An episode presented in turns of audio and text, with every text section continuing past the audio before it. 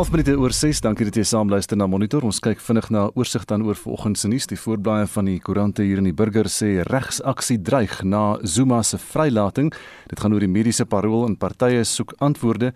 Die berig hier vergelyk die mediese parol wat toegeken is aan Clive Darby Lewis, Jackie Celebi en Shabir Sheikh dan, maar dit is die DA wat die regstappe beoog. John Steenhuisen sê uh, die uh, parol lyk of dit klaarblyklik onregmatig is en dit nadat die uh, departement van korrektiewe dienste dan nou Sondag bevestig het. Zuma is op mediese parol vrygelaat. Steenhuisen sê hy sal 'n aansoek by die hof indien dat die redes vir die besluit bekend gemaak word en uh, veral as dit so is dat Arthur Fraser uh, sy oordeel gebruik het om 'n mediese paneel se besluit te verander, moet 'n bepaalde prosedure gevolg word. Nog 'n berig op die voorblad van die burger vanmôre is baie vreemd.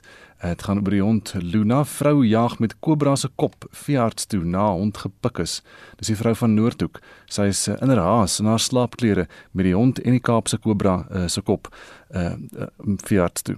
Luna is 'n 8-jarige dalmatiese kruising en sy het die slang se kop mos afgebyt nadat dit haar in die gesig gebyt is. Sy moes 8 dosisse enstof kry en toe weet hulle ten minste watter enstof om te gee. Die voorblad van beeld in die noorde van die land inperking vlak 2 wink glo en is nou na hierdie vergaderings wat gehou word oor die inperking en die moontlikheid om af te skuif na vlak 2, 'n aandklokreël moontlik vanaf 11:00, bietjie meer mense by byeenkomste en so bietjie meer drank om te drink. Die digitale voorblad van die Volksblad vermeende loervink vereers vry en die ma van Bloemfontein is hoogs ontstel nadat die verhoor van 'n vermeende loervink um uh, van die hofrol verwyder is. Hy het 'n videokamera in haar tienerdogter se kamer versteek om haar af te loer glo sê die berig daar op die voorblad van Volksblad. Business Day se voorblad vandag oor die ekonomie. Ou Mutual uh, pas sy 2021 ekonomiese groei vooruitskatting aan na 5,5% en internasionale nuus is op bbc.com vanoggend die Taliban het 'n nuwe regering aangekondig. Maar van hierdie uh slegs mans dan in die kabinet is uh, mense wat betrokke was by aanvalle op Amerikaanse magte. Een van hulle word gesoek deur die FBI. En Antonio Guterres van die VN sê die Taliban benodig die VN se humanitêre bystand in Afghanistan. En dis net so vinnige oorsig dan oor vanoggend se nuus. Die Suid-Afrikaanse Menseregte Kommissie loods vandag 'n veldtog om klem te plaas op die reg op lees en skryf. Dit gaan gepaard met die samestelling van 'n raadgewende komitee oor die minimumstandaarde en norms vir leesvaardighede. Nou ons praat net na half 7 vanoggend met 'n kenner oor kinders se lees en skryfvaardighede. Ons wil intussen by jou weet, hoe vaar jou kinders wanneer dit kom by lees en skryf? Het die digitale wêreld 'n invloed op daai vaardighede? En wat doen jy as ouer of voog om te verseker dat jou kinders wel kan lees?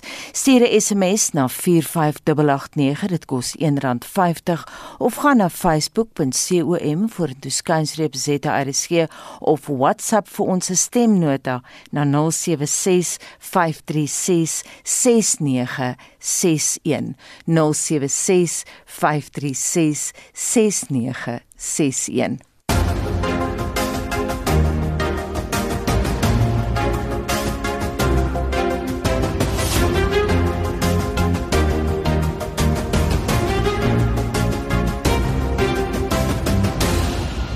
Terug na die nuus van die oggend, die regerende party is besig om sy kandidaatelyste voor te berei nadat hy nie die aanvanklike sperdatum van 23 Augustus gehaal het om kandidaate in 90 munisipaliteite te registreer nie. En dit volg nou op die verkiesingskommissie se besluit om die registrasieproses vir sowel die kandidaate as die kiesers te heropen. Die ANC ontken intussen beweringe dat hy die OVK beïnvloed het om hierdie besluit te neem. ANC-lede wat nie gelukkig is oor hul kandidaat benoemingslyste nie, het tot Saterdag om 11:00 die oggend tyd om dit op te los. Die adjunksekretaris-generaal van die ANC, Jesse Duarte, sê die sperdatum is finaal. The lists, as far as we are concerned, are final now. There are disputes about whether community meetings were called properly, whether they are still outstanding disputes. The firm and red and hard and uncompromising deadline is Saturday morning at 11 a.m. After that, we will not accept any further uh, disputes. Everything must be done by Saturday, 11 a.m. People have to accept and understand that. Duarte sê hulle is ook nou gereed om hul kandidaat benoemingslyste in te dien wanneer die OVK so aandui. We'll be submitting our lists. We've started already with the provinces to get the gaps filled in and make sure that the names are correct and that people's IDs are correct and that the what they call locus standing is correct and all of that. So we'll be done. Sommige oppositiepartye het die OFK daarvan beskuldig dat hulle deur die ANC beïnvloed is, iets wat Duarte heftig ontken.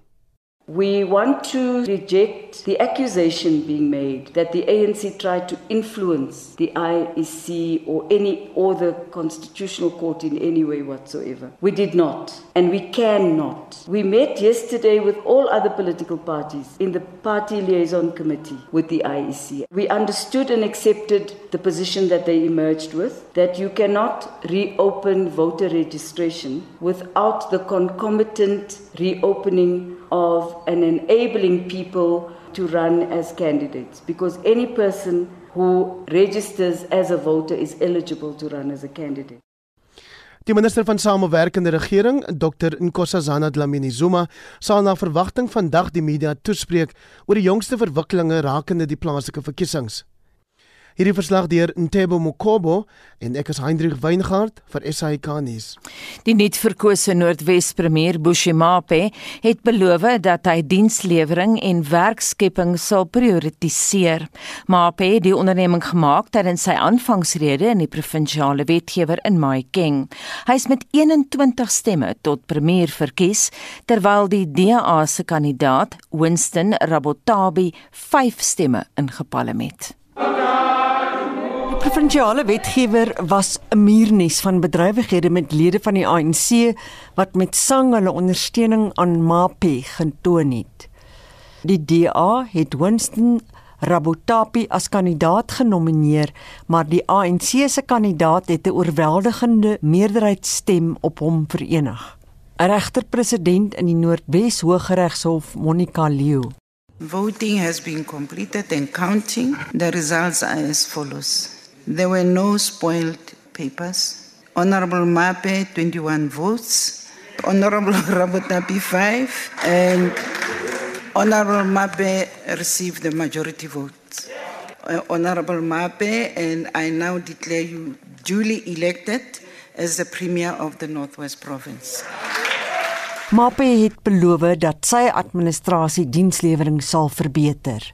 I make this promise that we as the collective will not disappoint you as the organization that has assigned us the responsibility, and neither will we disappoint the people of the Northwest. And we don't have a long story, long narrative to tell you. We just want to talk about service delivery and job creation, only two.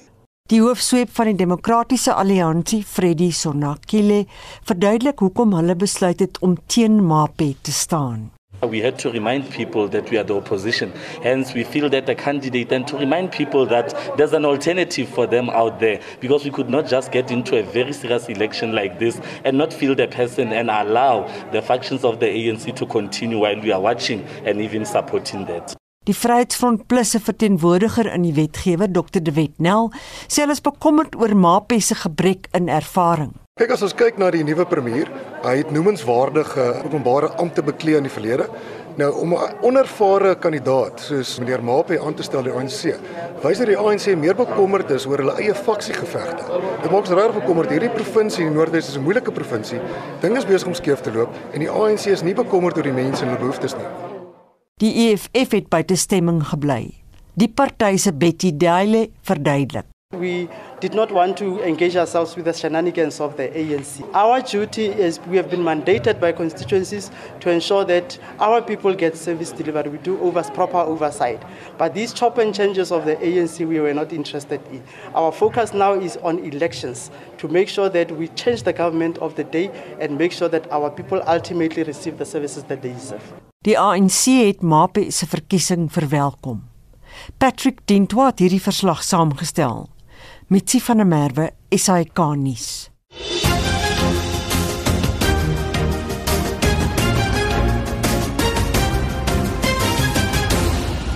21 minute oor 6 en nou na KwaZulu-Natal borgtog is in die Durbanse Landdroshof toegestaan aan die Fees Must Fall aktivis Bonginkosi Kanyile wat reg staan op aanklagte van aanhitsing van geweld tydens die onrus in Julie. Die hof het egter gelas dat Kanyile se Twitter-rekening vir die duur van die saak moet sluit. Kanyile en sy ondersteuners wat die hofsaak bygewoon het, was verheug oor die uitspraak. Dries Liebenberg berig. Landros Vincent Tlatswayo het in sy uitspraak gesê dit word nie betwis dat Kanyile in 'n video van die beweerde aanhitsing tydens die onrus in Julie verskyn nie. Kanyile sê na bewering in die video aan 'n saamtrek van mense dat die land moet brand en dat paaie versper moet word. Landros Tlatswayo het bygevoeg dat Kanyile nie aangekla word omdat hy aangedring het dat oud-president Jacob Zuma uit die tronk vrygelaat moet word nie. In this case, it is a fact that the applicant has been arrested and charged because the applicant, in the name of Mr. Zuma, the so called hashtag free Jacob Zuma, hashtag release Msholozi now, hashtags hands off Msholozi, etc., allegedly incited people to burn the country and block the roads. Landros Tlatswayo het gesê hy staan in die belang van geregtigheid borg tog van R5000 toe. It is therefore my considered opinion and view that the demands of the interest of justice uh, uh, of society only needs an assurance or guarantee that an accused person will stand his trial, will not interfere with witnesses as the provisions of section 60 subsection 4A to E demand. Die waarnemende hoof van die valke in KwaZulu-Natal, Anton Boysen, het in die borgtog aansoek getuig dat Kanyile 'n invloedryker Twitter-gebruiker is wat duisende mense kan ooreed om geweld te pleeg. Landros Tlatswayo het hierdie risiko in ag geneem in die bepaling van borgtogvoorwaardes. Further condition is that he has to suspend and or not to use his Twitter account for the duration of this matter.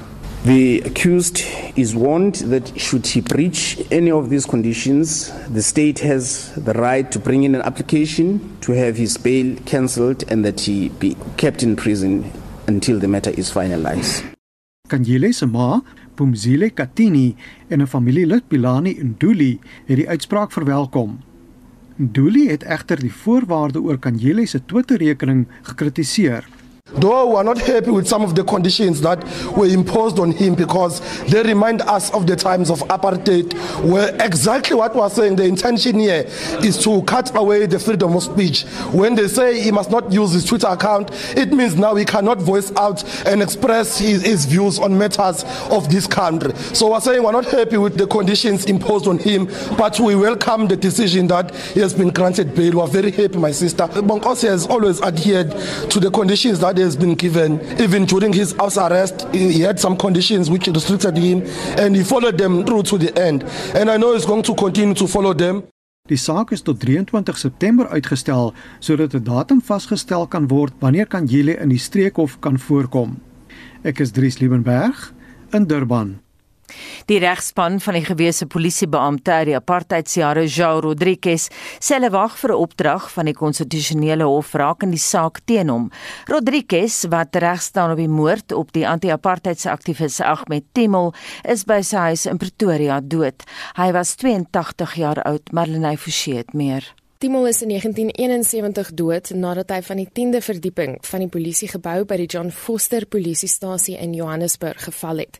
'n Geregtelike ondersoek het in daardie stadium bevind dat hy na sy dood gespring het, maar die saak is in 2017 heropen waarna bevind is dat hy nie uit sy eie gespring het nie. Rodriguez is van die moord aangekla, maar het in die konstitusionele hof aansoek gedoen om die grondwetlikheid van die moordklag te betwis, omdat dit meer as 40 jaar na die voorval gelê is. Die Monseneef, Imtiaz Kaji, sê dit is hartseer dat Rodriguez gesterf het voordat die saak afgehandel is. You know, he goes to his grave without being held accountable uh, for his role in the murder of my uncle. This is the reality that he and his legal counsel maneuvered the legal system in the country ensuring that he does not have his day in court. And the question that is posed by myself and many, many other families of the apartheid era victims family group is does the government have the interests of apartheid era perpetrators over that of apartheid era victims families? Rodriguez se regsverteenwoordiger Ben Minnar sê hulle wag vir 'n opdrag van die konstitusionele hof rakende die saak teen hom.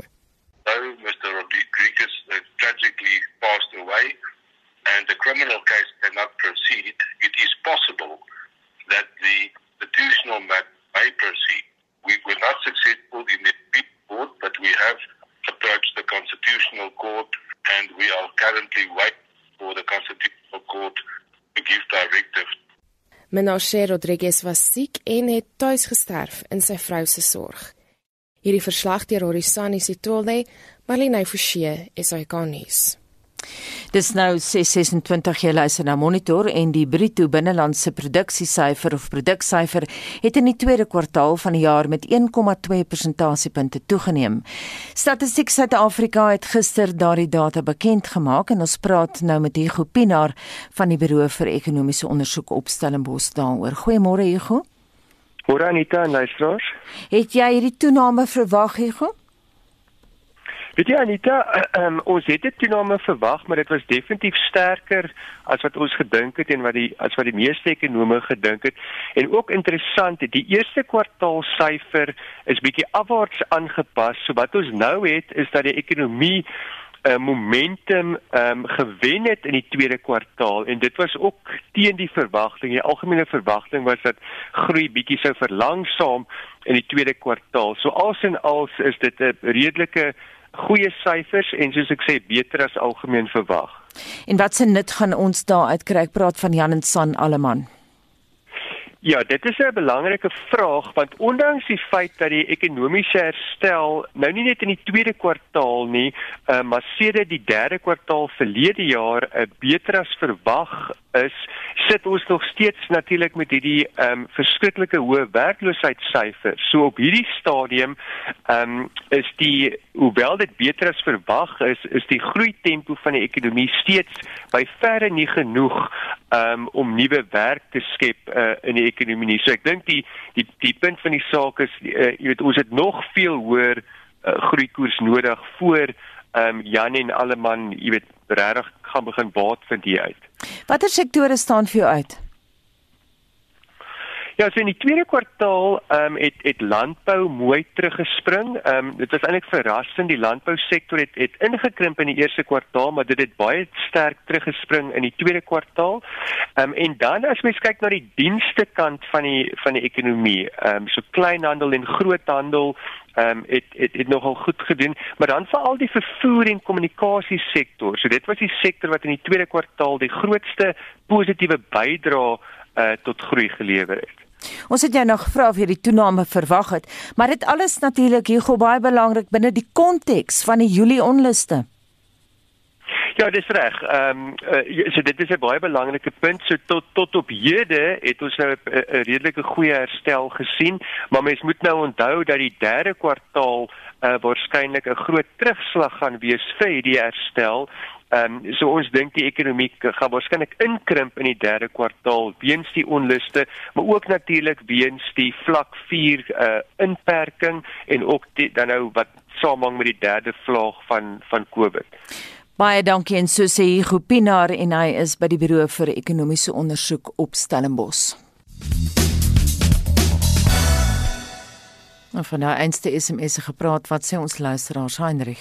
Anita ons wil na aanleiding van die Suid-Afrikaanse Menseregte Kommissie se veldtog wat vandag afskop om die klem te plaas op die reg op lees en skryf by luisteraars weet hoe vaar hulle kinders wanneer dit kom by lees en skryf en of die digitale wêreld 'n invloed op hulle lees en skryfvaardighede het ook wat hulle as ouer of voordoen om te verseker dat die kinders wel lees. Johannes Skool sê kinders doen wat jy doen. Lees vir kinders van kleins af mooi stories en hulle sal self wil lees. Om met insig te lees is die sleutel tot sukses of tot kenners dan nou. Susan Kutsie Kurtland sê hierdie is so 'n moeilike vraag. Ek was 38 jaar lank in die onderwys en het nie 'n antwoord nie. My instink glo dat taalontwikkeling die grondslag vorm en lees en skryf volg dan. Miskien moet die nuwe geslag jong mense hierdie vraag beantwoord en verduidelik hoe hulle self die probleem aanspreek. Christel Pretorius Botha sê my seun was 'n gretige leser met hoope boeke van sy eie as ook biblioteekboeke van die skool af toe hy in graad 5 na 'n skool geskuif het wat terselfdertyd ook tablette ingestel het, was dit soos om 'n muur te tref met groot moeite lees hy daarom nou weer 'n nuwe fiksie. En dan hierdie een van Rex Bester wat sê lees kan jou vermoë om te kommunikeer verbeter. Dit sluit jou verbeelding en die wêreld en verbeter jou algemene kennis. Dit ontsluit jammer jou verbeelding en die wêreld en uh, dit verbeter jou algemene kennis. Alders professor WW Charters van die Universiteit Ohio se Bureau vir opvoedkundige navorsing. Rex Bester sê hy sê verder, dis nou professor Charters, lees is die mees magtigste vaardigheid en vorm die hoeksteen van die intelligensieboog. 45889 dis ons SMS nommer teen 150 kan jy van jou laat hoor daarso.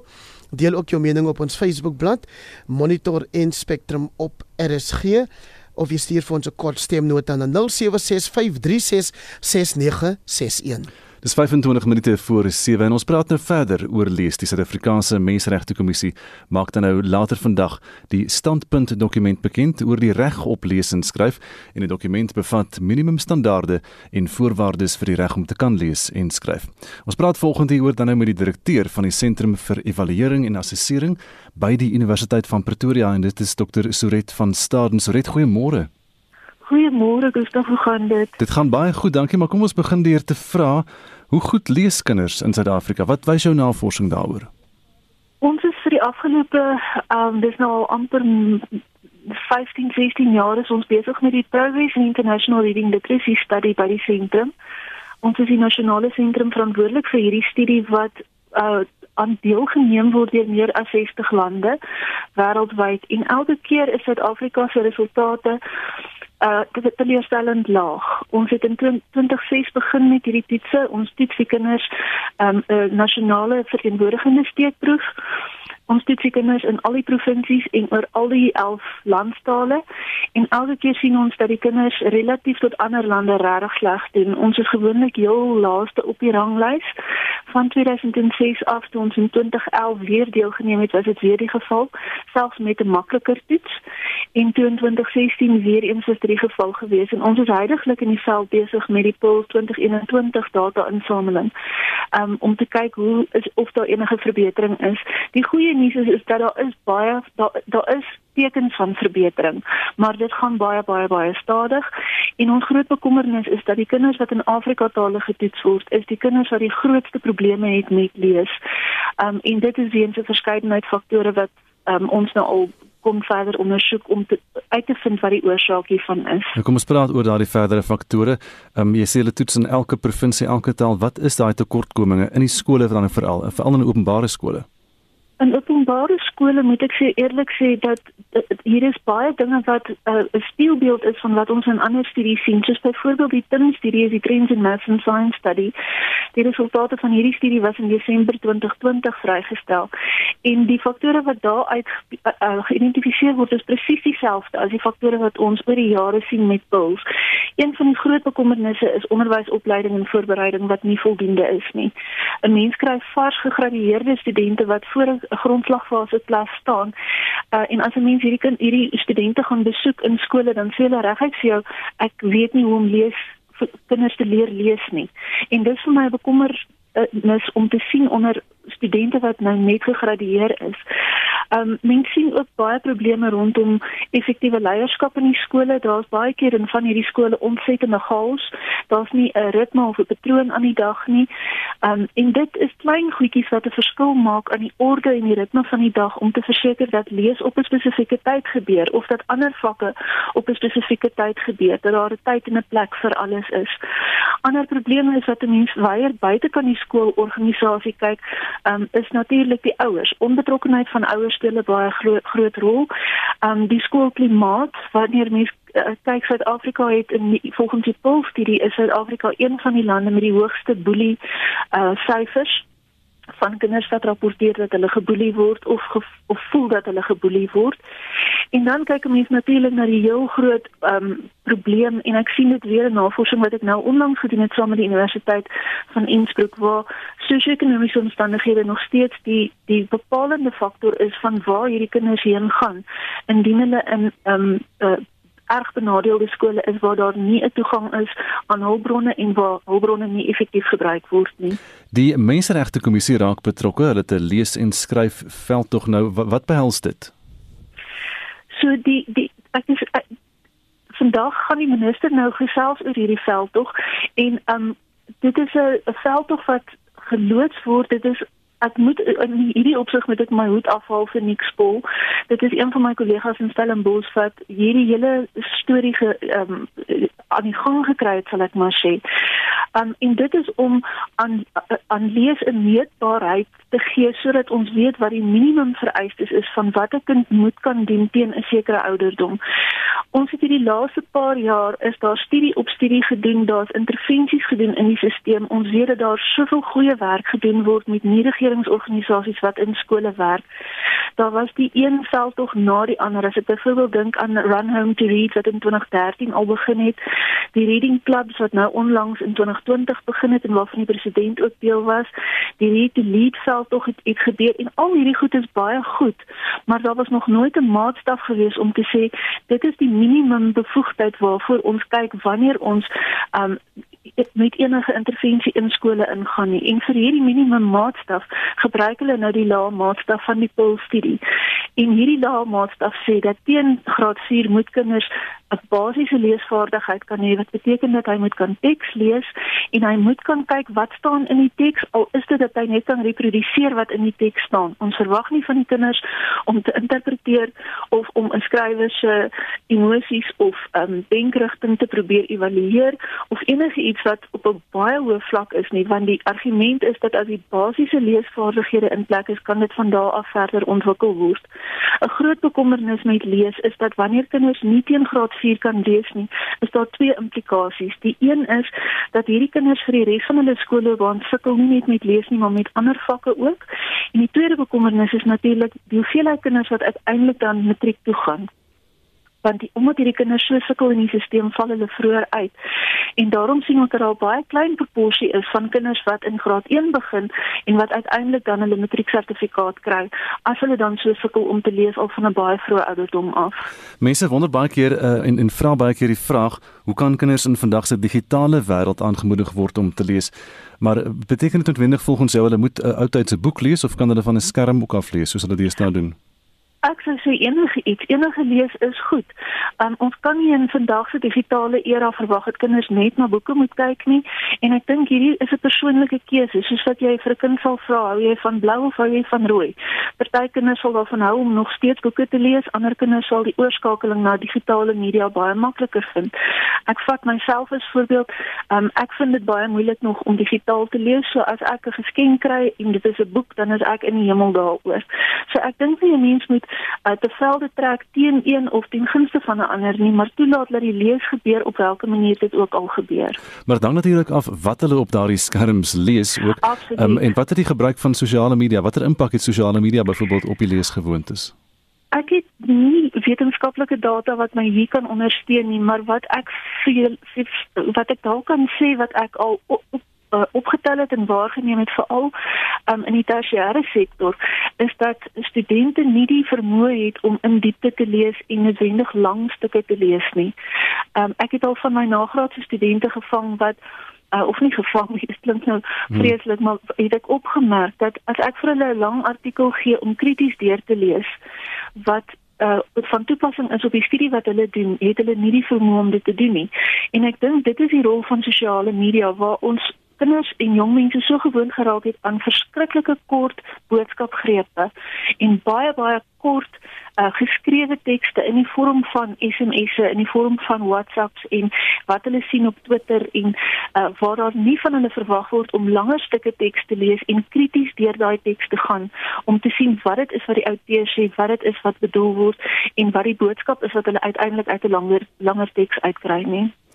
Dit is inderdaad so en Twitter het onlangs sy um, sy aantal karakters verdubbel en um, miskien sien almal weet nie hoe om dit vol te skryf nie. Ja, dit is nogal baie um, skrikwekkend en ook om te sien hoe die die fisiese vaardigheid van handgeskrewe teks hmm. iets is wat besig is om uit te sterf. Um, en waar baie studente en kinders op skool sukkel met dit en ons moet onthou dat lees en skryf is twee dinge wat hand in hand gaan. Um, ja. om dit te stel. Het oudtydse biblioteke nog 'n rol te speel? Ek dink absoluut so. Ehm um, want in hierdie geval dink ek dat dit hang weer eens dit is as mens sistemies na hierdie probleem kyk, is dit wat gaan in 'n gemeenskap aan? Is dit word biblioteke gewaardeer deur gemeenskappe waarin hulle is?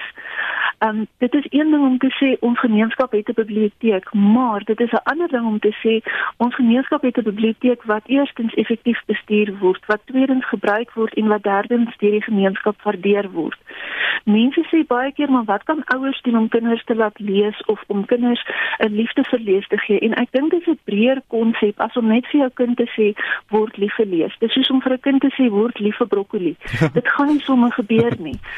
Um dit is 'n breër kwessie wat aangespreek moet word binne 'n gemeenskap waar lees gewaardeer word as 'n kulturele aspek, nie net iets wat 'n gewoonte is omdat ek dit moet doen nie. Miskien is jy vir 'n lekker storie gee om te lees. Ja. Ons ons moet aanbeweeg ongelukkig uh, Soret maar baie dankie vir die gesels vanoggend hier oor lees Dr Soret van Staden is die direkteur van die Sentrum vir Evaluering en Assessering by die Universiteit van Pretoria. En nou nuus van 'n ander aard die burgerregte groep Action Society gee die president sê en ander regeringsdepartemente tot 20 September tyd om te reageer op hulle versoek dat die wysigingswetsontwerp oor strafreg goedgekeur moet word. Die proses sloer sedert 2015. Te midde van die gesloer is minstens 96000 skedule 8 oortreders vrygelaat sonder dat DNS monsters van hulle geneem is. Marlenae Forshey het meer. Die organisasie se woordvoerder, Elani van der Walt, sê die misdadigers se oortredings word geklassifiseer op die hoogste vlak wat daar is. Van hierdie oortredings sluit in moord, poging tot moord, verkrachting, seksuele aanranding, mensenhandel, aanranding, roof, ontvoering en dan ook brandstigting. Die feit dat daar sedert 2016 reeds 96875 misdadigers vrygelaat is sonder dat daar 'n DNS monster van hulle geneem is, is vir ons verskriklik kommerwekkend want dit beteken dat hierdie misdadigers wanneer hulle weer gaan oortree, daar niks is om hulle te koppel aan vorige sake, aan koue sake, aan toekomstige sake nie en dit maak dit ook baie moeilik om swaarder vonnisse te kry om te sorg dat hulle agter tralies bly waar hulle hoort. In 'n brief aan die presidentskap, die nasionale polisiekommissaris, die minister van polisie en die minister van korrektiewe dienste en justisie, vra Action Society dat die wysigingswetsontwerp van 2015 goedgekeur en onderteken word. Daardie wet bepaal dat enige oortreder wat skuldig bevind word aan 'n skedule 8 oortreding tydens sy tronkstraf 'n DNS monster moet gee vir die populasie van 'n nasionale forensiese database. Hierdie wetgewing sloer al sedert 2015 op daai stadium het hulle die sisteme in plek gehad om te doen nie, maar sedertdien is hierdie wet nog steeds nie goedgekeur deur die president nie.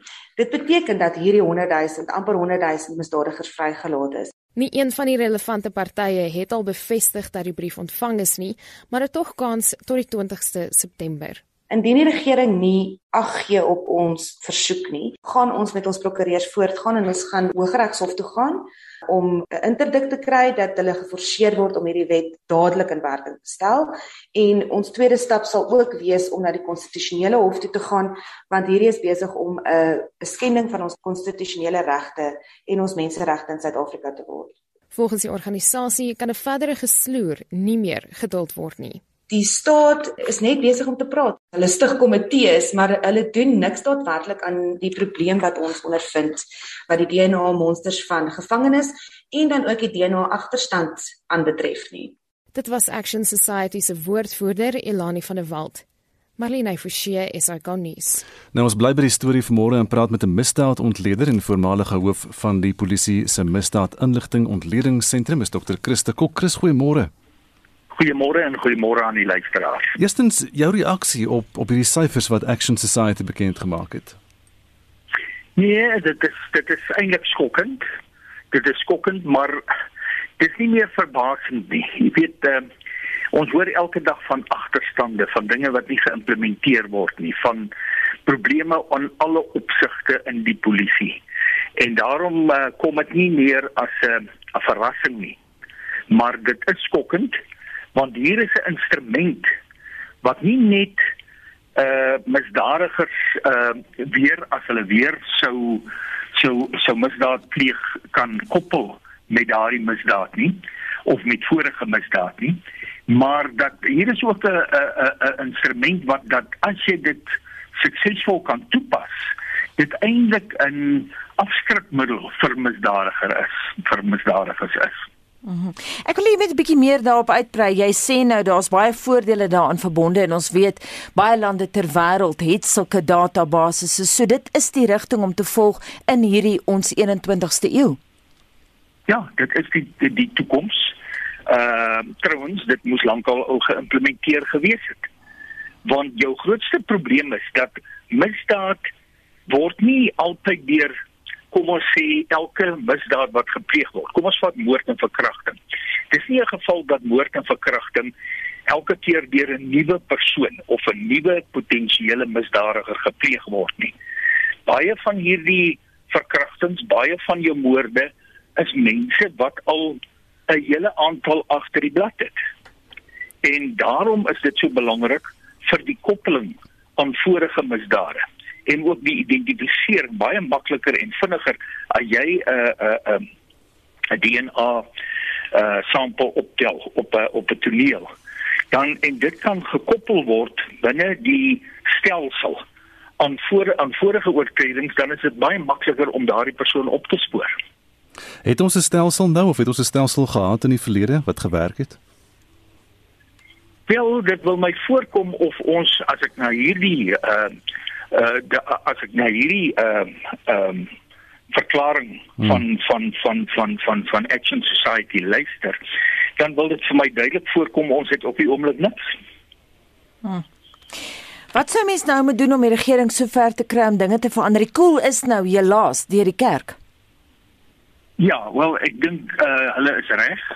Hulle het nou gevra dat die regering moet opskud dat hierdie wet uh of konsepwet geteken moet word. Uh en dat ehm um, en dat dit geïmplementeer moet word. Ek dink dit is maar al wat hulle kan doen en dan moet ons nou maar kyk of daar geluister sal word en of daar gedoen sal word. Ons het ons het nou die agterstand in DNA uh uh uh, uh wat nie mense dit in Afrikaans samples. Ja, ja, monsters. En dan het ons nog dan het ons nou hierdie probleem ook nog. Maar ehm um, maar dit wil voorkom asof die regering sy sy voete sleep uh en asof daar niks aan gedoen word nie. En ek dink hierdie is dan maar die die pad om weer 'n keer te vra en as daar dan voor 'n sekere tyd, hulle het hulle 'n maand tyd gegee, as daar dan voor daardie tyd niks gedoen word nie om dan maar aksie te neem. Dis net 'n laaste vraag, sal jy jou invloed ook gebruik met die regering? As wat uh, kan jy net herhaal? Jy is nou voormalige hoof van die polisie se misdaad inligtingsontledingssentrum. Jy is 'n kenner op die gebied. Jy's die ideale persoon om ook druk te probeer plaas op die regering. Sou jy dit wou doen? Ja, wel, ek meen uh, deur deur te praat, uh, deur deur my mening te gee, oefen ek alreeds druk uit. Ek is nie eintlik uh, op hierdie terrein uh onthou nou net die misdaad in uh, inligting ontledingssentrum met meer gegaan rondom die voorkoms van misdaad en die tipe misdaad en en die dinamiek van misdaad. Uh maar maar uh, ek is, is so, in alle opsigte waar die polisie verkeerd gaan sal ek nie stil bly nie. Baie dankie en so sê Dr. Chris de Kok, hy's 'n misdaadontleder, voormalige hoof van die polisie se misdaadinligtingsontledingssentrum. Dis nou 8 minute voor 7, jy's by monitor op RSG nou die kleinhandelaar, die Shoprite groep, sê 'n aantal van sy kettingwinkels in KwaZulu-Natal en Gauteng sal weens die onluste nie sake kan doen. Dis natuurlik nou Julie se onluste uh, waarvan ons praat. Verskeie van die groep se winkels is in die onrus geplunder en Marlene Forsie het meer. Shoprite sê dat ses van sy winkels permanent gesluit is weens die onrus wat 2 maande gelede plaasgevind het. Die groep sê dat hulle steeds die skade berokken en dat 83 winkels steeds gesluit is. Meer as 40 winkels is afgebrand. Die uitvoerende hoof, Pieter Engelbrecht, het aan beleggers gesê winkels wat deur die onreg beskadig is, sal deur die versekerings gedek word en hulle het reeds 'n paar betalings van die regering se korttermynversekering Sasria ontvang. We've had 231 stores that was affected. We've managed to open or reopen 150 of them. We still have 83 stores closed. That's including supermarkets and liquor and USAFE, of which 47 have been extensively damaged because they were burned, and six of them we won't open again.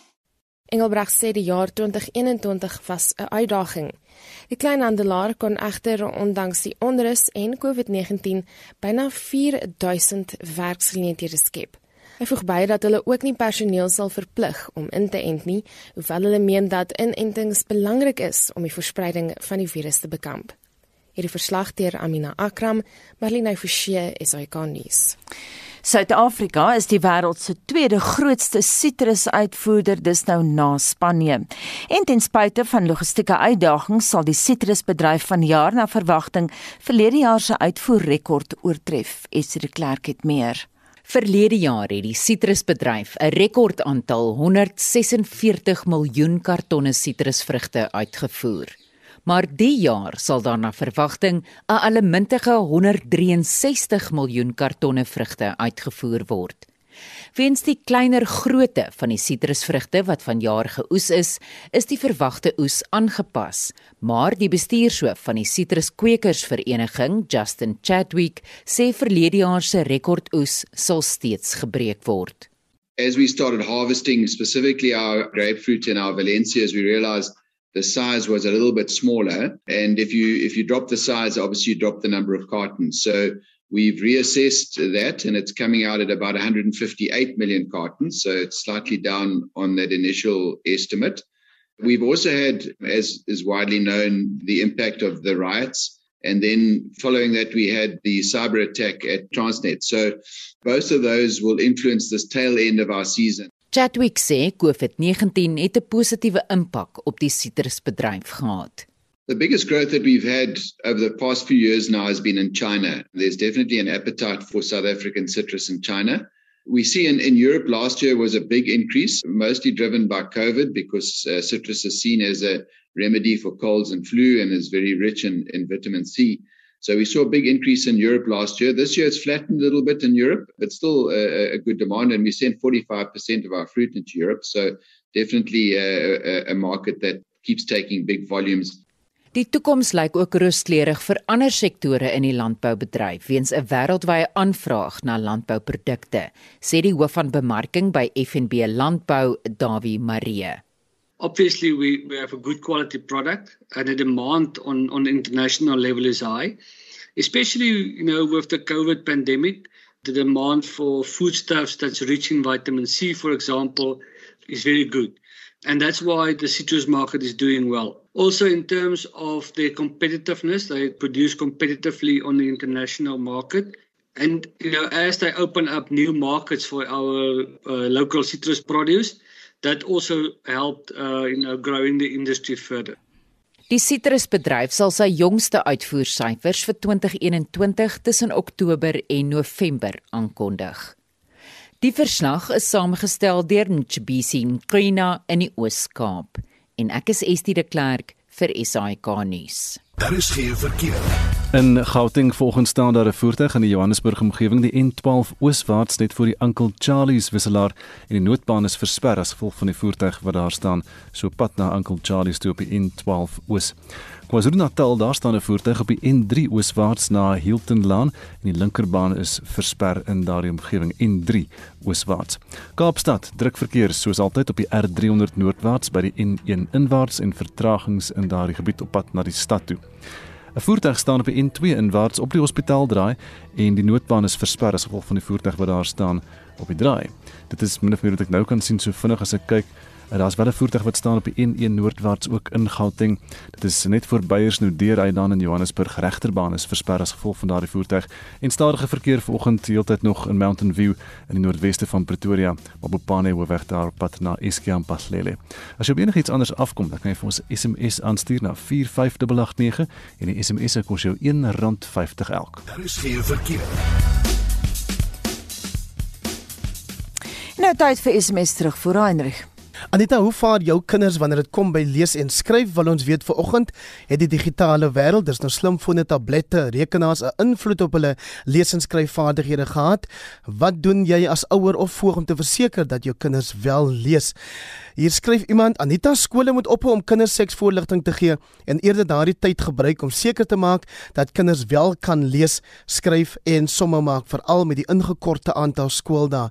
Dis die mening van Kobus en daai in, ingekorte aantal skooldae sê hy is natuurlik weens COVID. Biblioteke is nog gesluit skryf iemand anders. En ons het gehoor in Gustaf se onderhoud met Dr Soret van Staden dat sy reken die ou tradisionele biblioteke kan wel nog ten spyte van die tegnologiese vordering 'n rol speel. Sari sê saamlees in die klas elke kind dieselfde boek boek. Dit is een van die oplossings. Stop en wys dan vir die kind uit om aan te gaan en te herhaal. En dan sê Marlene in Appington sy het 'n leesklub vir kinders by haar huis begin in in in 2014 reeds. Ons het storie voorlees prioriteit gemaak en die kinders leer daarom lekker hardop te lees. Iemand anders skryf my seun graad 1 laasjaar sukkel baie met Engelse klankvorming as gevolg van laasjaar se vaslegging wat nie gebeur het nie ook weens COVID. Ons het nou begin met ekstra leesklasse teen 'n baie hoë fooi. Dan ooral sê my suster was te jonk om skool toe te gaan, maar sy het egter weggehard op skool toe. Die hoof het gesê sy is al moeg geraak vir die skool, maar sy het aangehou. Sy was baie jonk en teen die einde van daai jaar is sy oorgeplaas na die volgende graad toe. Sy was toe die jongste in haar klas. François of uh, Benade sê of Benadi sê as jy wil lees en skryf dan sal jy dit kan doen. En Franklin Fisher sê spelling ontbreek. Mix dit Afrikaans en Afrikaans smokkel met township kinders se koppe. En as jy dink jy het alles gehoor wat daar te weet is of jy weet alles wat daar te weet is oor COVID-19, wel, jy weet nie alles wat daar te weet is nie, want later vanoggend praat ons met Isabel Bosman en dis oor die feit dat die COVID-19 pandemie 'n negatiewe uitwerking op demokrasie in ons land het. Bly ingeskakel vir daai onderhoud. Dit bring ons by 7:00.